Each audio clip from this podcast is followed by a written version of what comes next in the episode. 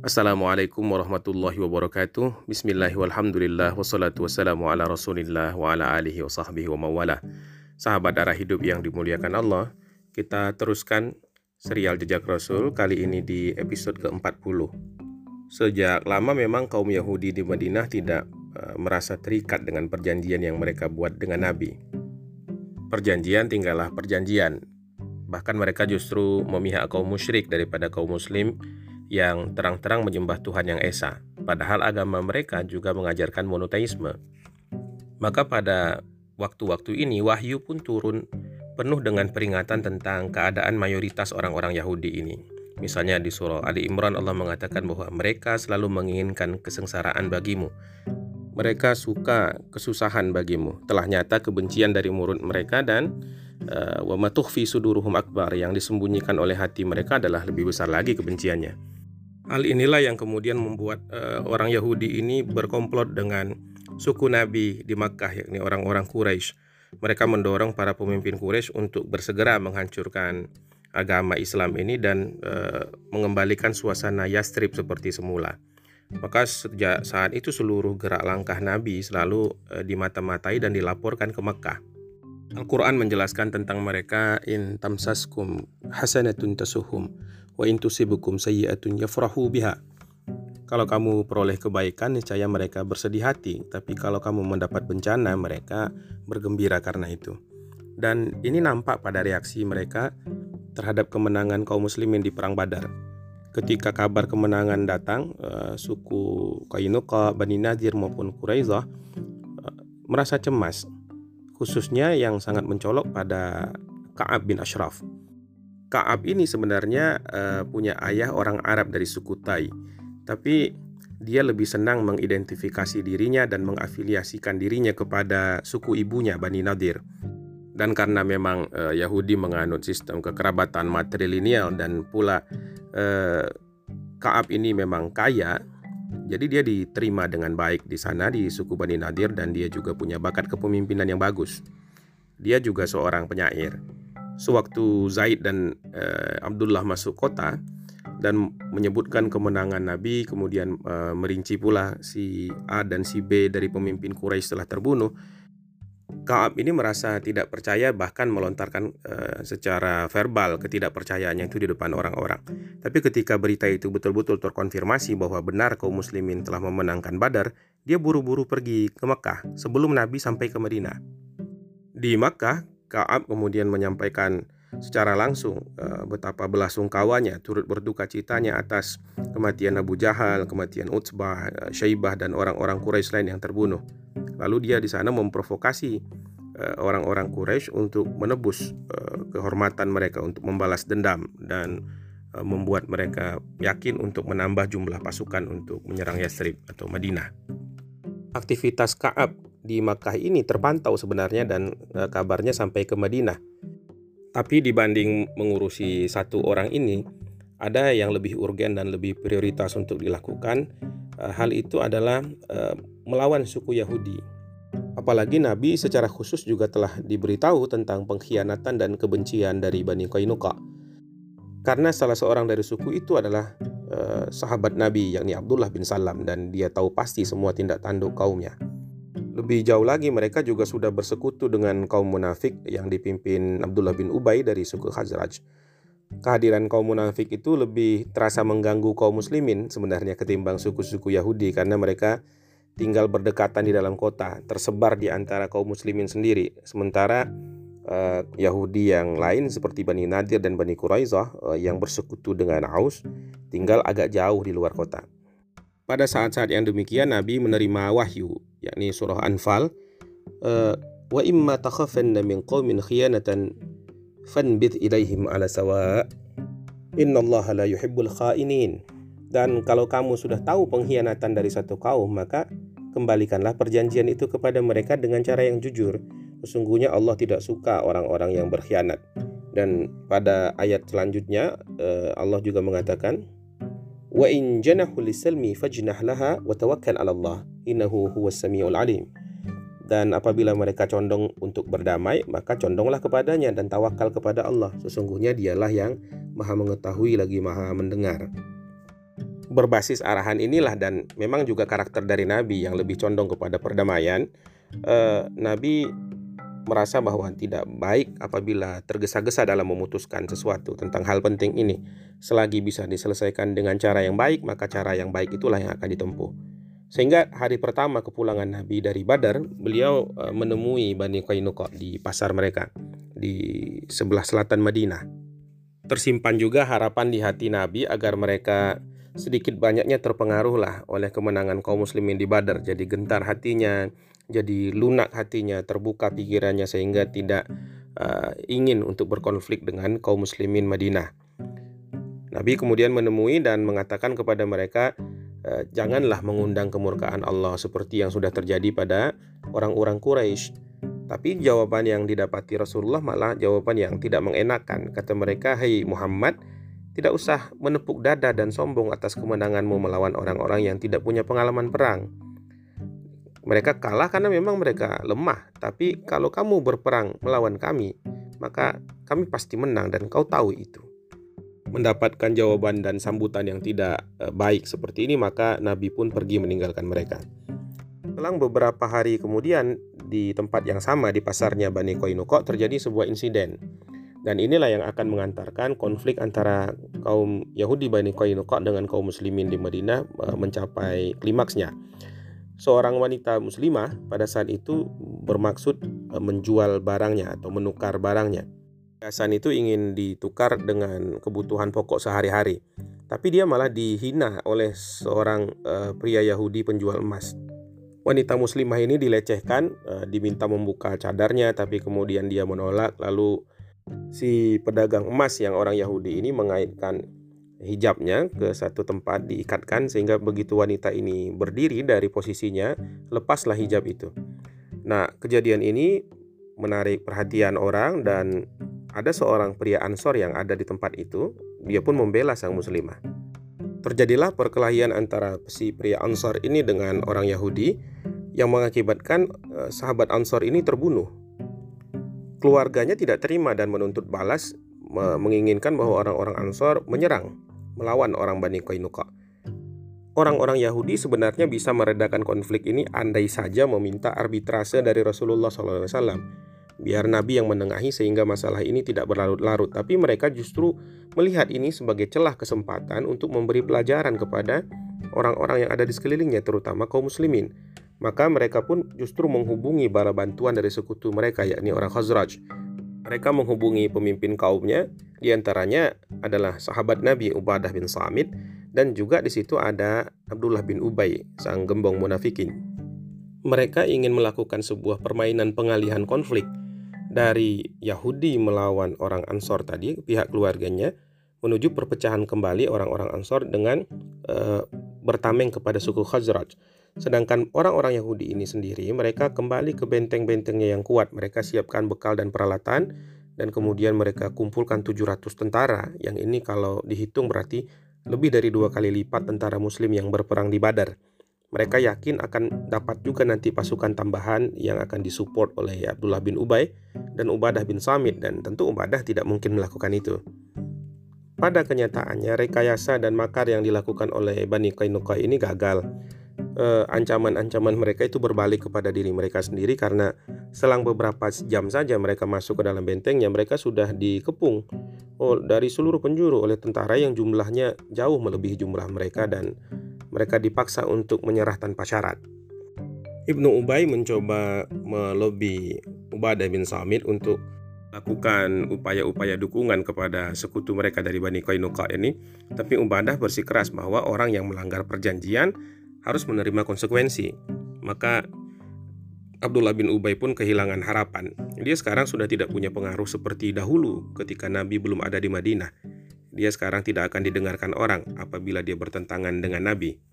Maka penantian Bani Qainuqa terhadap pasukan tambahan itu jadi penantian sia-sia. Mereka akhirnya terpaksa bertahan di dalam bentengnya, makin hari makin putus asa, tanda-tanda bantuan datang juga tidak ada, dan karena sudah dua minggu, akhirnya mereka menyerah tanpa syarat. Pada saat itu, Abdullah bin Ubay datang lagi ke perkemahan mendekati Nabi dan berkata, Hei Muhammad, perlakukanlah sekutu-sekutuku dengan baik. Kata Nabi, tidak.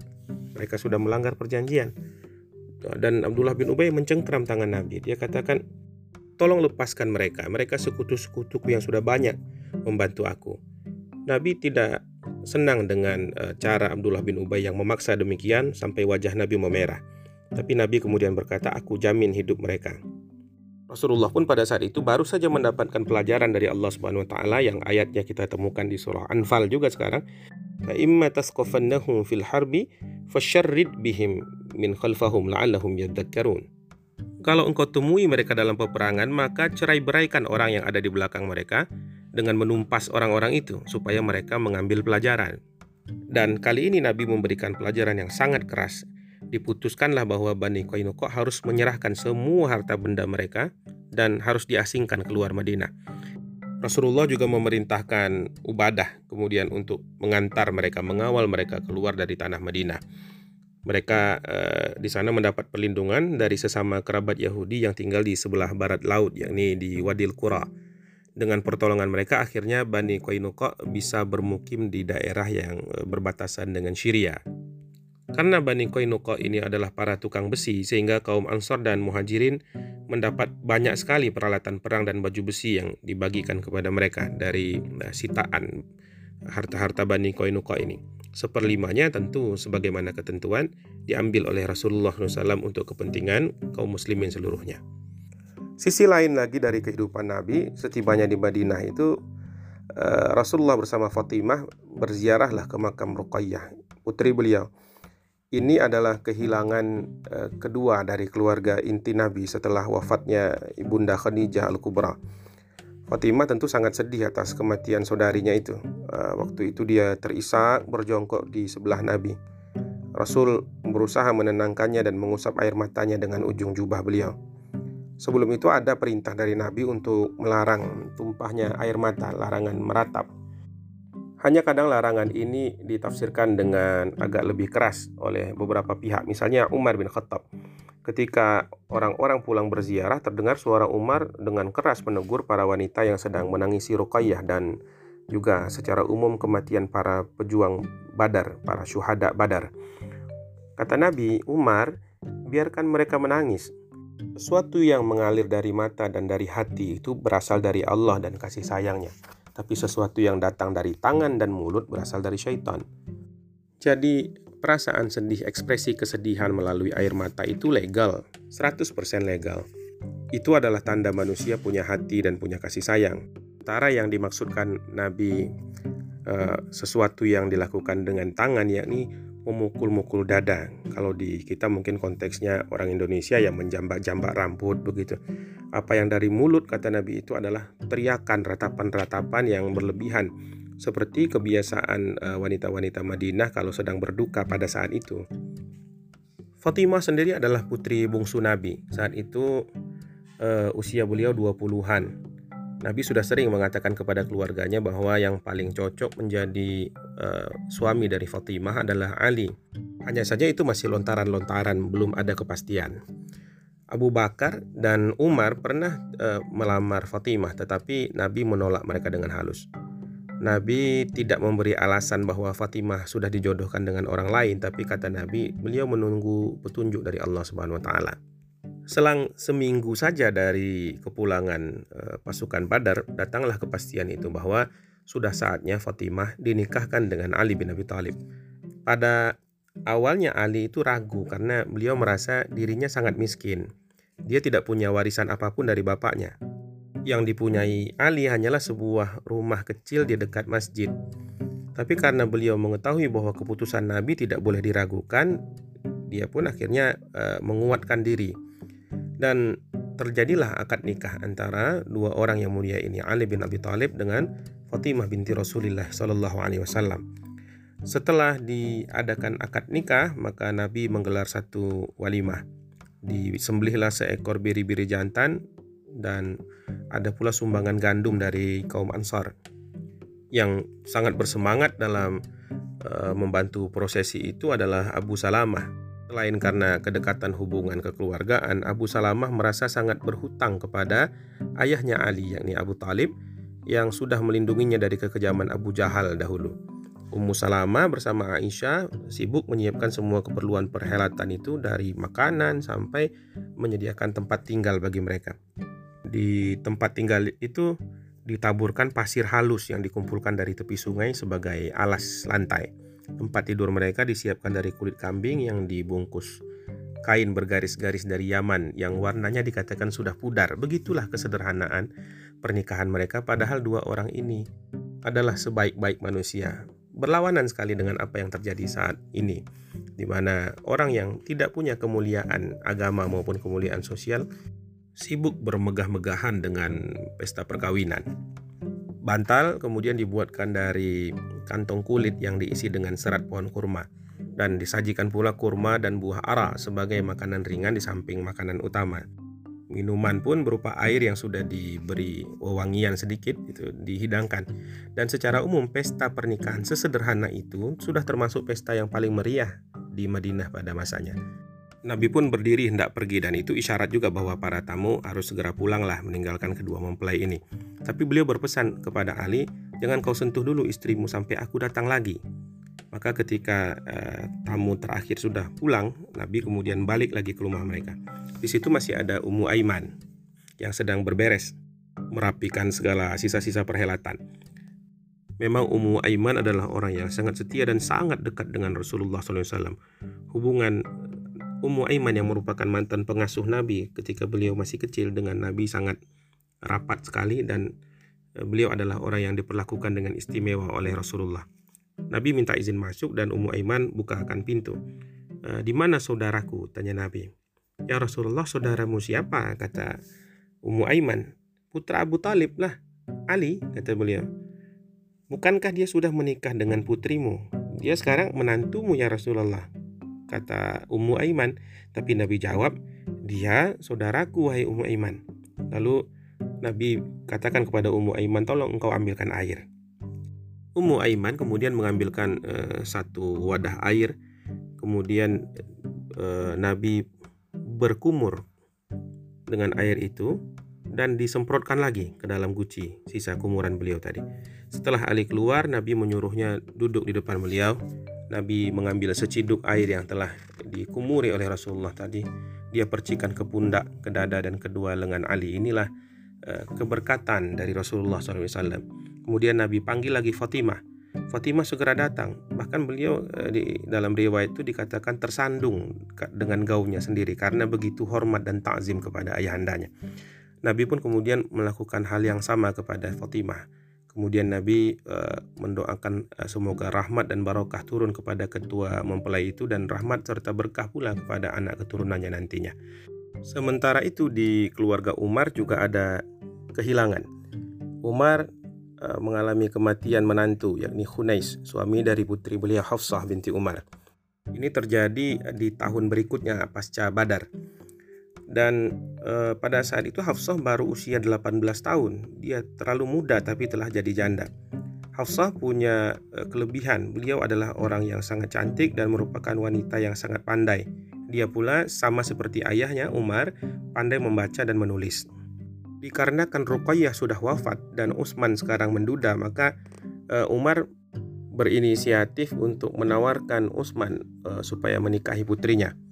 Kata Utsman, "Aku akan pertimbangkan." Tapi kemudian Utsman berpikir lebih baik aku tidak usah menikah dulu untuk sementara waktu. Umar tentu agak kecewa dengan jawaban itu. Dalam hati dia bertekad untuk mencari suami yang lebih baik lagi, maka ia menemui Abu Bakar. Namun di tempat Abu Bakar, Gayung tetap saja tidak bersambut. Abu Bakar juga tidak bersedia untuk uh, menerima tawaran dari Umar itu. Tapi opsi untuk menikahkan uh, putri beliau dengan Utsman masih ada dalam kepala Umar disebabkan Utsman lah orang yang paling tepat pada saat itu apalagi beliau sedang menduda. Kesedihan hati itu pun diceritakan oleh Umar kepada Nabi. Lalu Nabi sabdakan kepada Umar, Tenang wahai Umar, akan kutunjukkan padamu seorang menantu yang jauh lebih baik daripada Utsman dan aku tunjukkan pula kepada Utsman seorang ayah mertua yang lebih baik dari engkau. Maka bergembiralah Umar, lakukanlah wahai Rasulullah. Umar penuh harap. Lalu kemudian dia mulai berpikir, barulah Umar tersadar tentang maksud dari Rasulullah. Umar tahu orang yang lebih baik dibanding Utsman tentu adalah Nabi sendiri. Dimaksud Nabi dengan ayah mertua bagi Utsman yang lebih baik daripada Umar tentu juga Nabi orangnya. Maka akhirnya dilangsungkanlah pernikahan. Nabi menikahi Hafsah binti Umar dan kemudian Utsman dinikahkan oleh Rasulullah SAW dengan Ummu Kulsum, adik dari Ruqayyah. Setelah itu baru Abu Bakar mengungkapkan alasan diam dan penolakannya kepada Umar. Ini wahai Umar kulakukan karena memang Nabi sudah berencana meminang Hafsah putrimu, tapi beliau meminta agar ini dirahasiakan lebih dahulu. Yang lebih dahulu terjadi adalah pernikahan antara Ummu Kulsum dengan Utsman. Sementara pernikahan Nabi dengan uh, Hafsah itu dilakukan setelah melewati masa iddah dulu atas kematian Khunais. Maka disiapkanlah rumah untuk uh, ibunda kita Hafsah, Ummul Mukminin di samping uh, rumah tinggal Sayyidah Saudah dan Sayyidah Aisyah di sebelah masjid. Pernikahan ini kira-kira berlangsung setahun atau kurang dari uh, perang Badar. Kehadiran Hafsah uh, tidak mengubah keharmonisan rumah tangga Rasulullah Sallallahu Alaihi Wasallam. Aisyah justru sangat senang mendapatkan teman yang relatif sebaya dengannya, dan mereka langsung akrab umpamanya dua orang sahabat. Sedangkan Saudah yang selama ini lebih uh, memainkan peran seperti ibu bagi Aisyah, dia mendapatkan kesayangan baru lagi yang usianya memang pautnya cukup jauh di bawahnya, yakni Hafsah binti Umar. Hampir bersamaan waktu dengan uh, pernikahan ini, saudara ipar Umar, paman Hafsah dari pihak ibu meninggal dunia. Dia adalah Utsman bin Maz'un. Dia bersama istrinya Khawlah itu sama-sama dekat dengan Rasulullah. Utsman adalah orang yang paling zuhud di antara para sahabat. Dia bahkan telah menjadi seorang yang zuhud sejak uh, sebelum wahyu Islam turun. Semenjak hijrah ke Madinah, dia sangat uh, tertekan oleh hasrat-hasrat duniawi, maka dia meminta izin kepada Nabi untuk menjadi seorang yang uh, dalam bahasa kita sekarang mungkin sufi ya, yang menghabiskan sisa-sisa usianya untuk menjadi orang yang fakir, menghabiskan waktu hanya untuk ibadah kepada Allah Subhanahu wa taala. Pernah beliau ini ditegur oleh Nabi, "Apakah engkau tidak menjadikan aku teladan bagimu, hai Utsman? Aku ini menikah, aku makan daging, Aku puasa tapi aku ada berbukanya dan bukan termasuk kaumku wahai Utsman orang yang menjadikan dirinya dan orang lain fakir. Tapi seolah-olah Utsman bin Mas'un tidak paham akan uh, isyarat dari Nabi ini, maka di lain ketika lagi Nabi mengulang kembali kepada beliau. Man kata Nabi, tidakkah engkau meneladaniku? Lalu beliau mengatakan, iya ya Rasulullah. Apa salahku ya Rasulullah? Engkau salah karena engkau berpuasa tiap hari, kata Nabi, dan engkau asyik beribadah sepanjang malam. Benar wahai Nabi, itulah yang saya lakukan dan aku berharap Allah ridho kepadaku. Kata Nabi, tidak begitu dan jangan lakukan seperti itu. Karena sesungguhnya matamu itu punya hak, tubuhmu juga punya hak, keluargamu pun punya hak yang harus kau penuhi. Maka sholat tapi ada juga tidur wahai Utsman, berpuasa tapi juga ada hari-hari yang berbuka. Itulah pesan Nabi agar kehidupan ini seimbang. Segala kenikmatan yang diberikan oleh Allah Subhanahu wa taala hendaklah dicicipi dengan kadar yang wajar, yang tidak melalaikan manusia. Allah sudah mengatakan waja'ala lakumus sam'a wal absara wal afidah la'allakum tashkurun. Allah jadikan bagimu pendengaran, penglihatan dan hati agar kamu bersyukur. Katakan pula di surah lain misalnya di surah Rum wa min ayatihi an khalaqalakum min anfusikum azwajan litaskunu ilaiha wa ja'ala bainakum mawaddatan wa rahmah. Inna fi dzalika laayatil liqaumi. Dan di antara tanda-tanda kekuasaan Allah adalah Dia menciptakan untukmu istri-istri dari jenismu sendiri, supaya kamu cenderung dan punya perasaan tentram kepada mereka, dan dijadikan di antara kamu ikatan kasih sayang. Sesungguhnya, uh, pada yang demikian itu ada tanda-tanda bagi orang-orang yang berfikir. Tidak selamanya hidup ini harus susah saja dan bukan hanya kesusahan yang bisa mengantarkan orang Islam kepada pahala. Bahkan kesenangan-kesenangan juga selagi dia halal dan ditujukan untuk mendapatkan ridho dari Allah Subhanahu wa taala akan terhitung pula sebagai kebaikan di sisi Allah. Di bulan-bulan puasa seperti ini misalnya, Allah menyuruh kita puasa bersusah-susah, tapi Allah memberikan kepada kita juga syariat untuk makan sahur sehingga kita kuat badannya dan sunnah pula bahwa sahur itu diakhirkan. Kemudian Allah berikan pula kita waktu berbuka dan waktu berbuka itu sunnahnya adalah disegerakan sehingga antara uh, derita, kesengsaraan dengan eh, kebaikan-kebaikan dan kegembiraan, semuanya bisa menjadi sumber pahala bagi orang-orang Islam. Di manusia yang terdiri dari jiwa tapi juga ada raganya, kesenangan-kesenangan alamiah itu disucikan dengan cara bersyukur kepada Allah sebagai satu cara untuk mendekatkan diri kepada Allah Subhanahu wa taala. Nabi bahkan menunjukkan, mencontohkan pada diri beliau sendiri, dia katakan, "Aku menyukai wewangian wanita dan kesejukan mata yang kutemukan di dalam sholat. Artinya Nabi mengatakan bahwa beliau adalah orang yang senang dengan hal-hal yang wangi. Nabi juga apa menyayangi istri-istri beliau.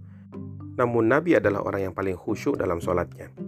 Pada saat Utsman bin Mas'ud meninggal, eh, Rasulullah segera pergi sebelum beliau dikuburkan untuk mengunjunginya bersama Aisyah Nabi berurai air mata ketika mencium pipi Utsman. Beliau adalah orang yang sangat baik dan kebaikannya terkenang oleh Nabi Shallallahu Alaihi Wasallam.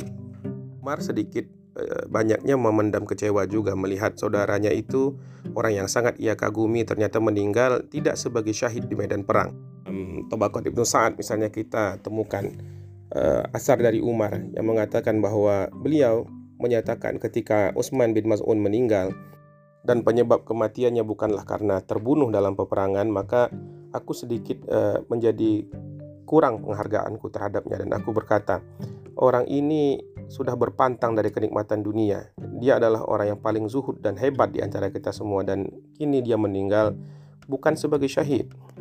Pernyataan Umar ini kemudian terus teringat terngiang-ngiang di kepalanya sampai kemudian Nabi wafat disusul pula oleh Abu Bakar wafat yang Kedua-dua orang yang sangat dikagumi dan dicintai oleh Umar ini meninggal dalam keadaan alami, bukan sebagai uh, orang yang terbunuh di dalam peperangan. Kemudian Umar pun menyadari bahwa uh, pemahamannya terhadap hal ini kurang tepat dan hati kecilnya kemudian berkata, "Itulah kematian yang terbaik, tapi kenapa aku malah uh, memandangnya rendah?" Dan kemuliaan Utsman bin Mas'un di hati Umar pun kembali seperti semula. Segala penghormatan dan kekagumannya berbalik setelah uh, wafatnya Rasulullah dan Abu Bakar. Demikian beberapa cuplik kejadian-kejadian yang dirasa penting untuk kita bicarakan tentang orang-orang Madinah pasca perang Badar. Esok insya Allah akan kita sambung lagi pada episode selanjutnya. Mudah-mudahan Allah berikan kesempatan dan kekuatan kepada kita. Subhanakallahumma bihamdika asyhadu an la ilaha illa anta astaghfiruka wa atubu ilaik. Assalamualaikum warahmatullahi wabarakatuh.